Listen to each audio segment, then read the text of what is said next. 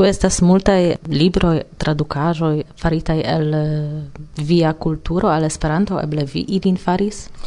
Um, post eh, kiam uh, mi esperantistiĝis aŭ pli precize ni diru post kiam mi forlasis Rumanion aperis abundeto de miaj tradukaĵoj Ja estas ni di considerinda quanto sed multe malpli ol el aliae lingvoi uh, eh, au culturoi Eh, najbaraj al la rumana kaj tio ŝuldiĝas eh, precipe al la politika situacio en Rumanio inter 1945 kaj 1989 kiel poloj havas sinjoron Tadeon tradukitan al Esperanto, hispanoj havas uh, sian tradukojn de Don Quixote de Cervantes kaj kiu estus tiu, kion vi rekomendus por malkovri ion pri via lando, pri via kulturo?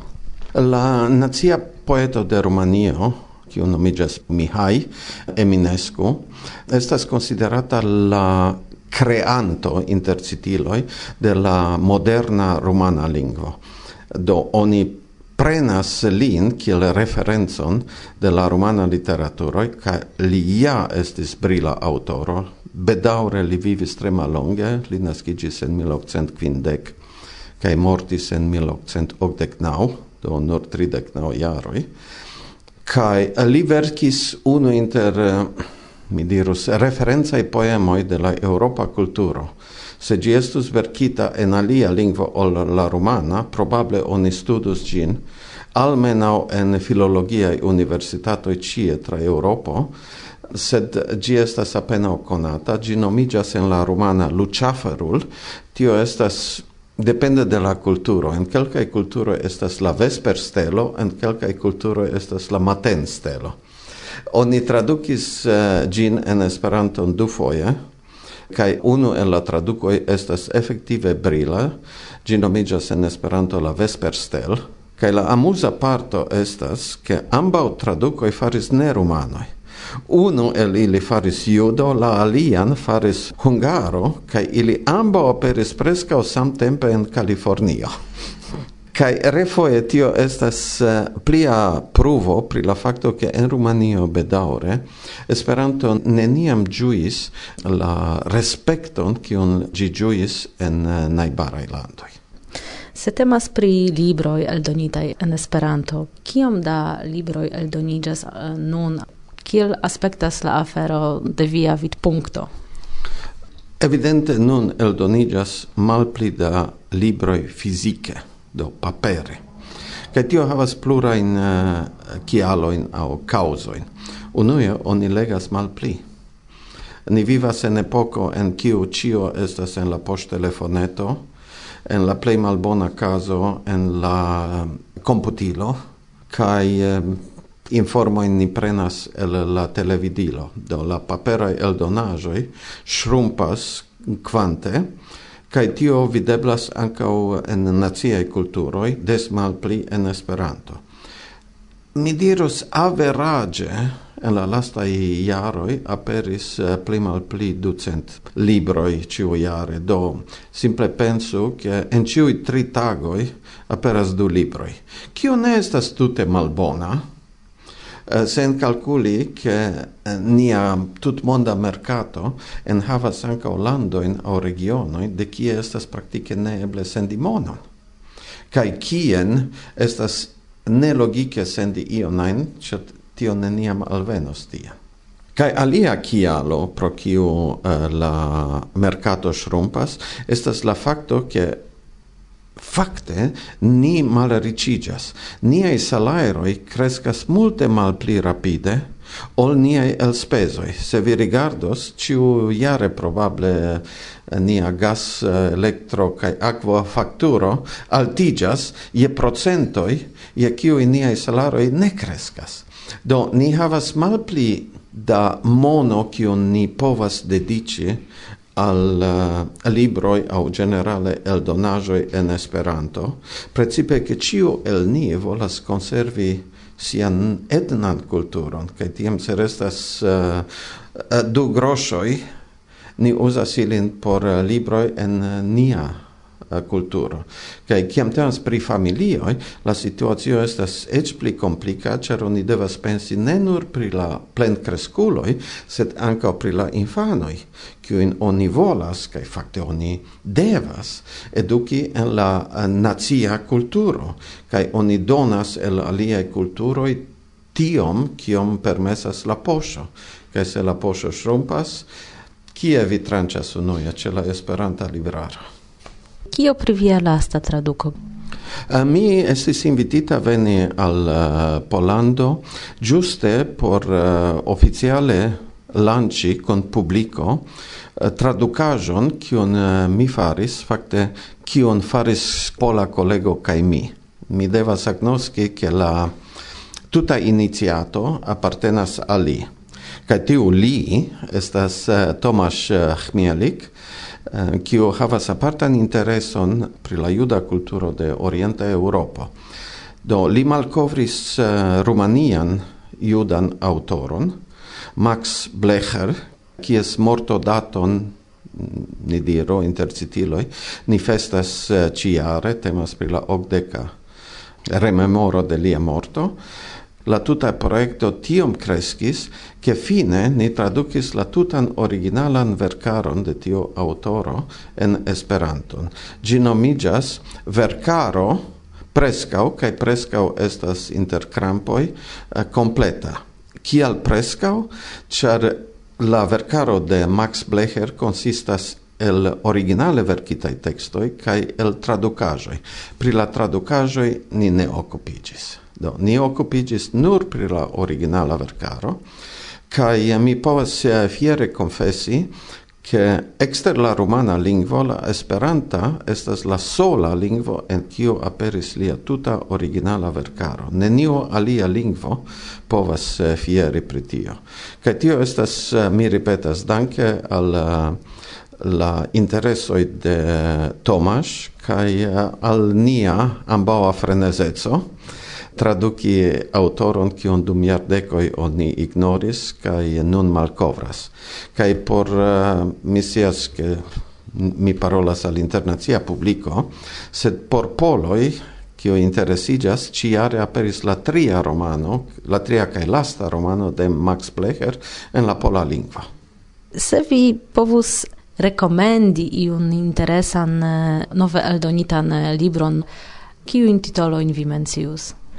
Uh, mi nepre volas eh, uh, mencii libron kiu lancigis ciare kaj kiu ne estas beletra, tamen ege valora, estas historio de la Akademio de Esperanto. Bedaure ni esperantistoi, iom uh, ignoras uh, nian historion kaj uh, prescau cion, cio ne estas en la tuia proximezo. No, tiu impona libro, devas esti sur la breto de ciu esperantisto kiu interesiĝas pri la evoluo de la lingvo.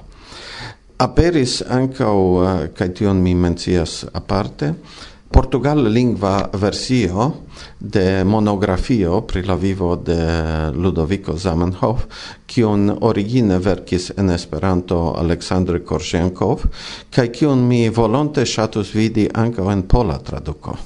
Kaj um, mi devas reveni sen modesto kaj diri che tamen la libro de Blecher estas io kion mi sugestos. Pardonu mian mankon de modesteco. estas tre bone la autoreklamo. Kaj se mi povas demande pri aŭtoro de tiu unua libro kiun vi menciis. Uh, eh, temas pri Carlo Minaja, itala plurvalora mm, cion faranto. Li traducas, li compilis vortaroin, li contribuis al lerno libroi, li contribuis anca alla historio de la esperanta literaturo. Do, li estas uh, homo plur faceta kai plur uh, capabla. Ču vi deziras iel messaggi auscultanto e auscultantaron en la tuta mondo? En partoi de la mondo citio iaro finigios finiĝos kai kune kun la jarŝanĝo venas ciu specai festoi kelkai jus pasis.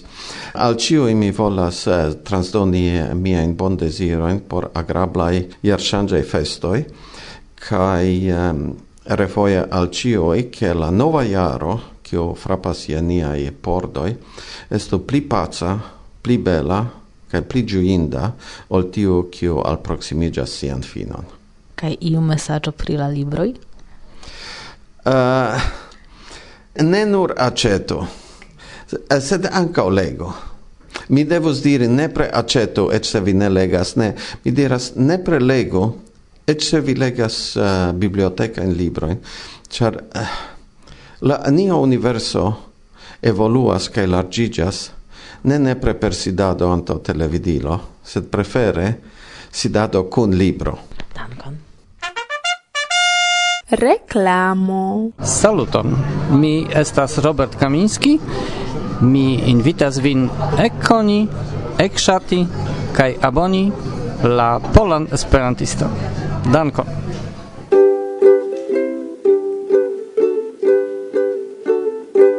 Scatoletoj sur de klivo, scatoletoj Dai nor el kicho kacho scatoletoi, scatoletoi, ciui staras en la piz.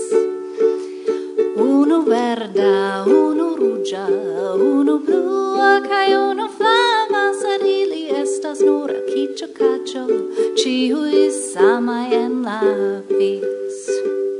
Cae la homoi, en la domoi, ili iras al Kai farigas scatoletoi ciui samai en la vis. Ciu doctoroi, ciu sto au la cefoi de granda industri, ili estas nur els cicio cacio, ciui samai en la vis. Ili ciui ludas golfon, au pensas pri reparativ Ili havas infanetoin, kiui iras al lerne cune al somertendaro, cae poste al lernei, poren iri scatoletoin, ciuin samain en la hafiz. Cae la cnaiboi ec laboras, cae ec logias con propra fam, fariĝas skatoletoj, ĉiuj samaj en la vic. Unu verda, unu ruĝa, unu blua kaj unu flava, sed ili estas nur el kiĉo kaĉo. Ĉiuj samaj en la vic.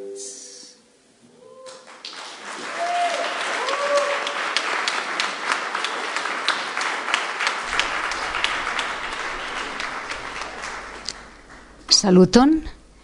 Mi estas Ana Manero kaj invitas vin al angulo de Miguel Fernández. Nocta canto. Tic-tac horlogia. Provas dormigi la sonoran solon, la cor caresan solon de ci nocto. Piano per nocturnas ege vapore vaporoin de forestoi, iam ne plu dornain, char la chisospuroi, trafluginte mil cosmoin, revenis clarai, cae tut dressis ilin. Papilias ticle, sur mia hauto rememor privi. Cae mi, cun gi, amoras cae voluptas. Mi zorgas sole che amara vaporo ne successu vuali la cristallon brilan de tiu rememoro.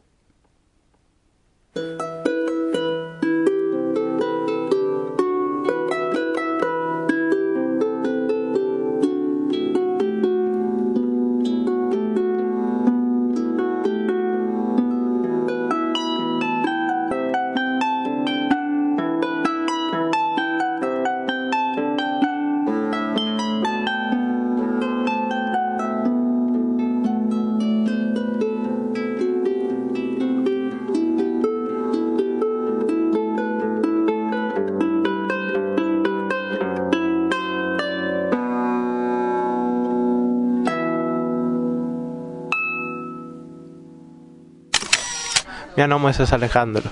El Hispanio. Mm, tiom varma lando. Kial vi decidis veni al malvarma Germanio? Ĉar mi ŝatas malvarmecon kaj ankaŭ eh, esperantistan etoson.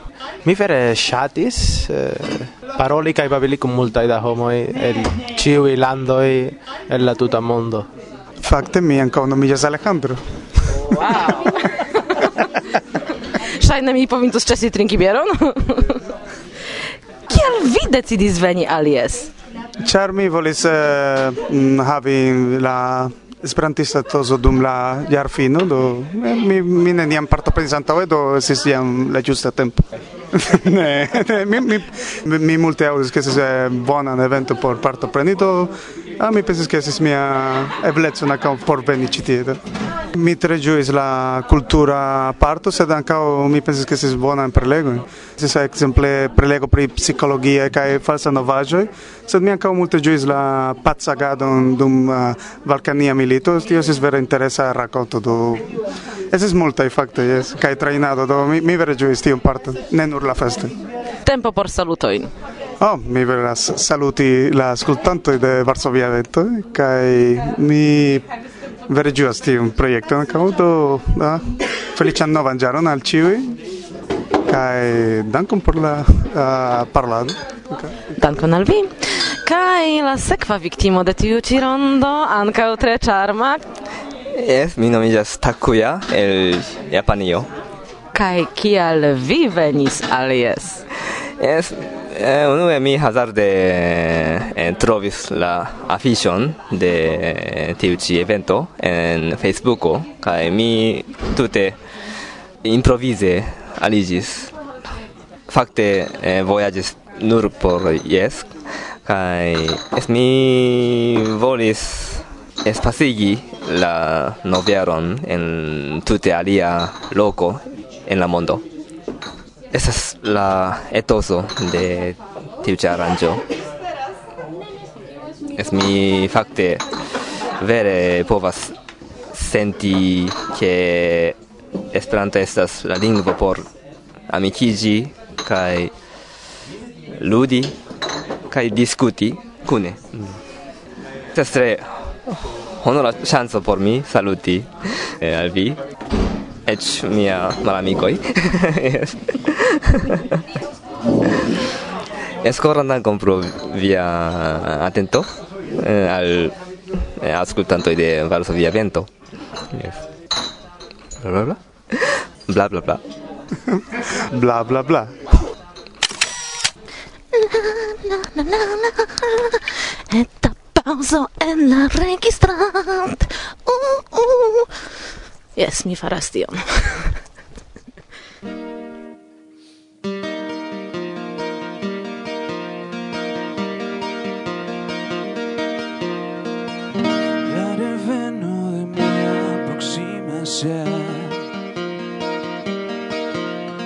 Non mi attendas la sono sulla voica e tiel Sommo sulla sopra de montezze Ne estas, si estas la luno kiu brillas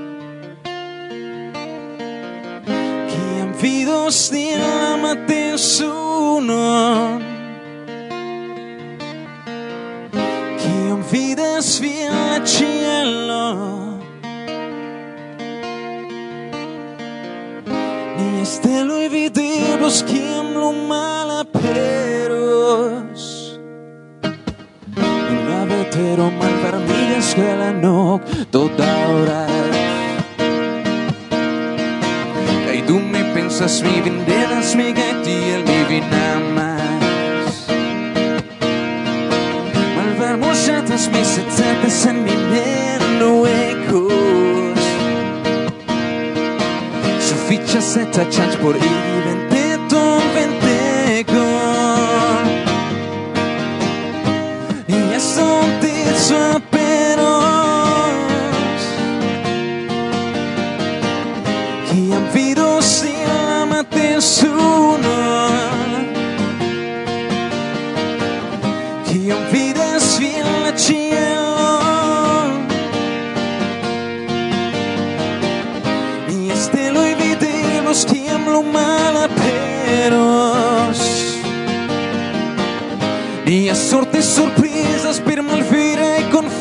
mesoj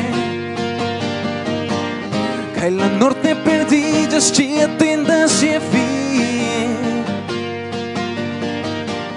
Tiu belega rideto estos quaso in cielo.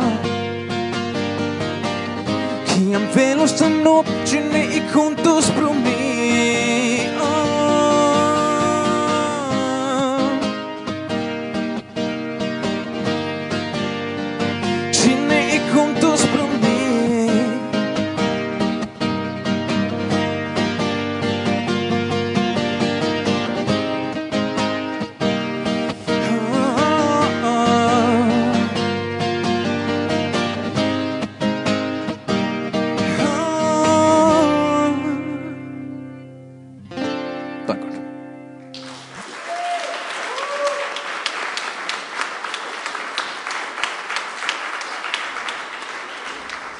vi estas Birke?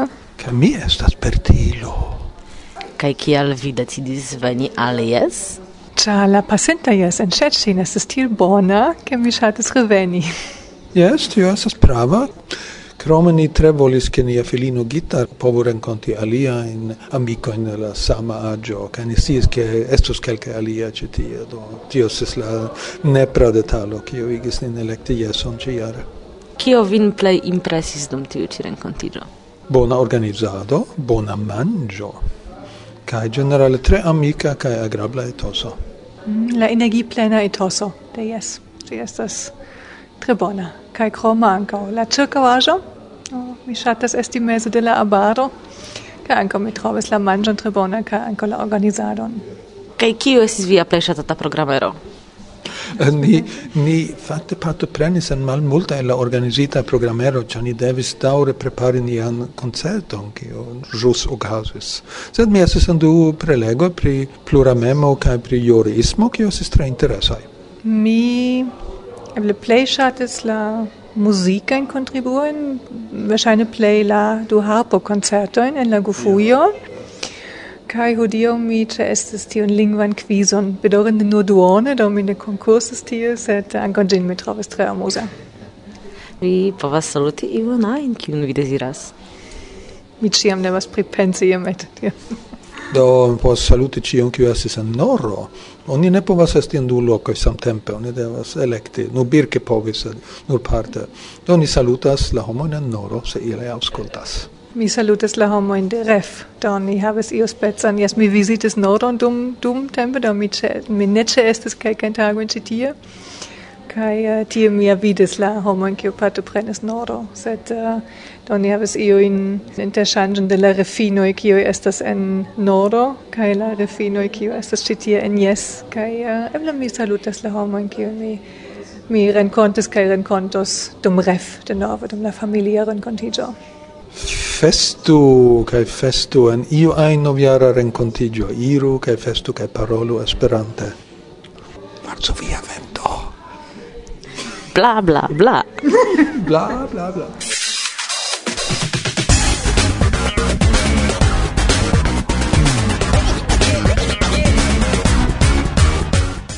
tio che libroi mm, estas gravai eh, scias ne nur mi ankaŭ vi certe. Tio che libroi iĝis iom eksmodaj ĉar amaskomunikiloj televidiloj multe da proponoj kiuj ni havas en la reto captis nin kai iom eh, apartigis de la libro char iam kiam homo vespere desiris travivi iun kulturan aferon prenis libron kai legis gin ce candelo poste ce lampoi sed eh, nun oni povas cion spekti kai foje mancas tempo por preni ordinaran paperan libron. Mi ne diras libron kiu estas en bita eh, formo kaj oni povas legi ĝin per app telefono sed mi parolas pri papera ordinara libro.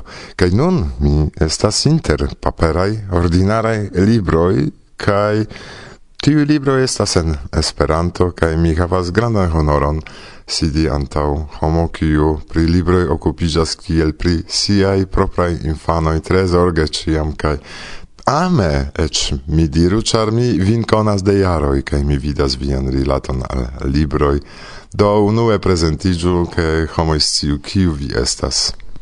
Do mia nomo estas Johano Pachter, mi venas el Berlino, cae ecte quardec jare estas esperantisto, en Germanio tutte vaganta, actie studenta en Bavario Munkeno, post al Schwabio, cae fine estas en Berlino de pli dudek jaroj kaj ĉiu tiu tempo mi ĉasas ligita kun Esperanto literaturo.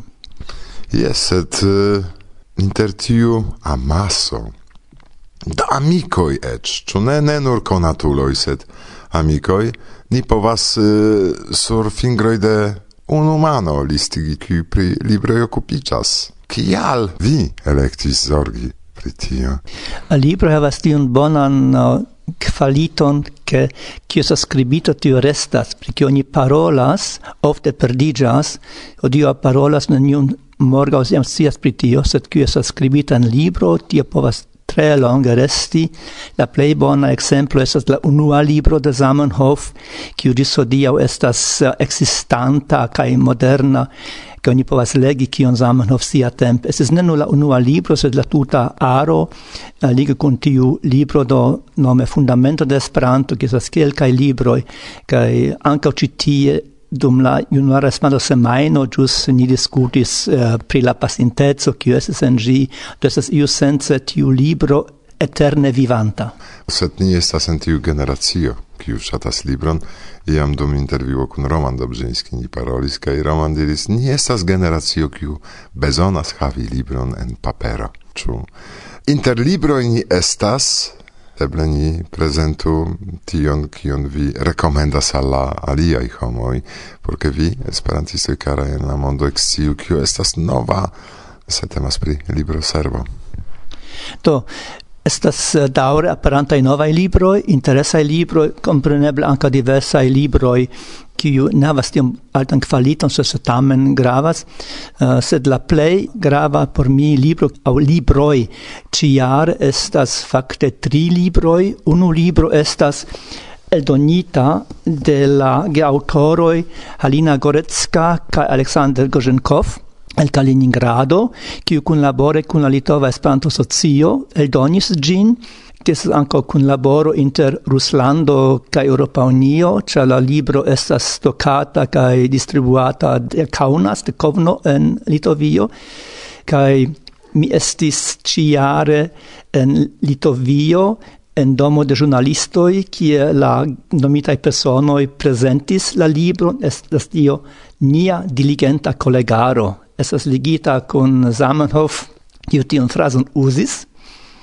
kai la fina resulto last jare estis ke la amba autoroj estis en Berlino kie oni dum la Zamenhof festo presentis la libron kai tiu libro prezentas amason do ducent gesprantistoj vivantai kai ne vivantai pri koni povas iom pli exi ol ili nu generale audas Ĉu ni povas uh, ia maniere diri che tiu libro estas daurigo de la enciclopedio de Esperanto. Giuste, la enciclopedio havas staton de 1936 eldonita, poste esis in octeca jaroj Hungario nu re eldonita, sed kun la stato de trideca jaroj, te tiam ocasis nenio en unu libro, Kaj tu esas iu tre historia momento, oni povas pri diversa e gravae personoi parte mortintai kiel old amajo bulton ex iom pli, e kai la autoroi crome faris tion ne ie sioi de ie, sed esploris multon, che esas vere in forma pri tio, kai pri u personoi multe pli, pri aliei personoi mal pli, kai multe intereso i factoi pri tiu personoi. Das vere tre grava verco kai valora che devus din tiu havi. Reclamo. Saluton. Mi ŝatus inviti vin partopreni la neesperantistan festivalon Slot Art. Estas arta festivalo apud Vroclavo en Polando, komence de julio. Mi ŝatus venigi tien pli da esperantistoj. Krakula Gilan. Varsovia vento bla bla bla.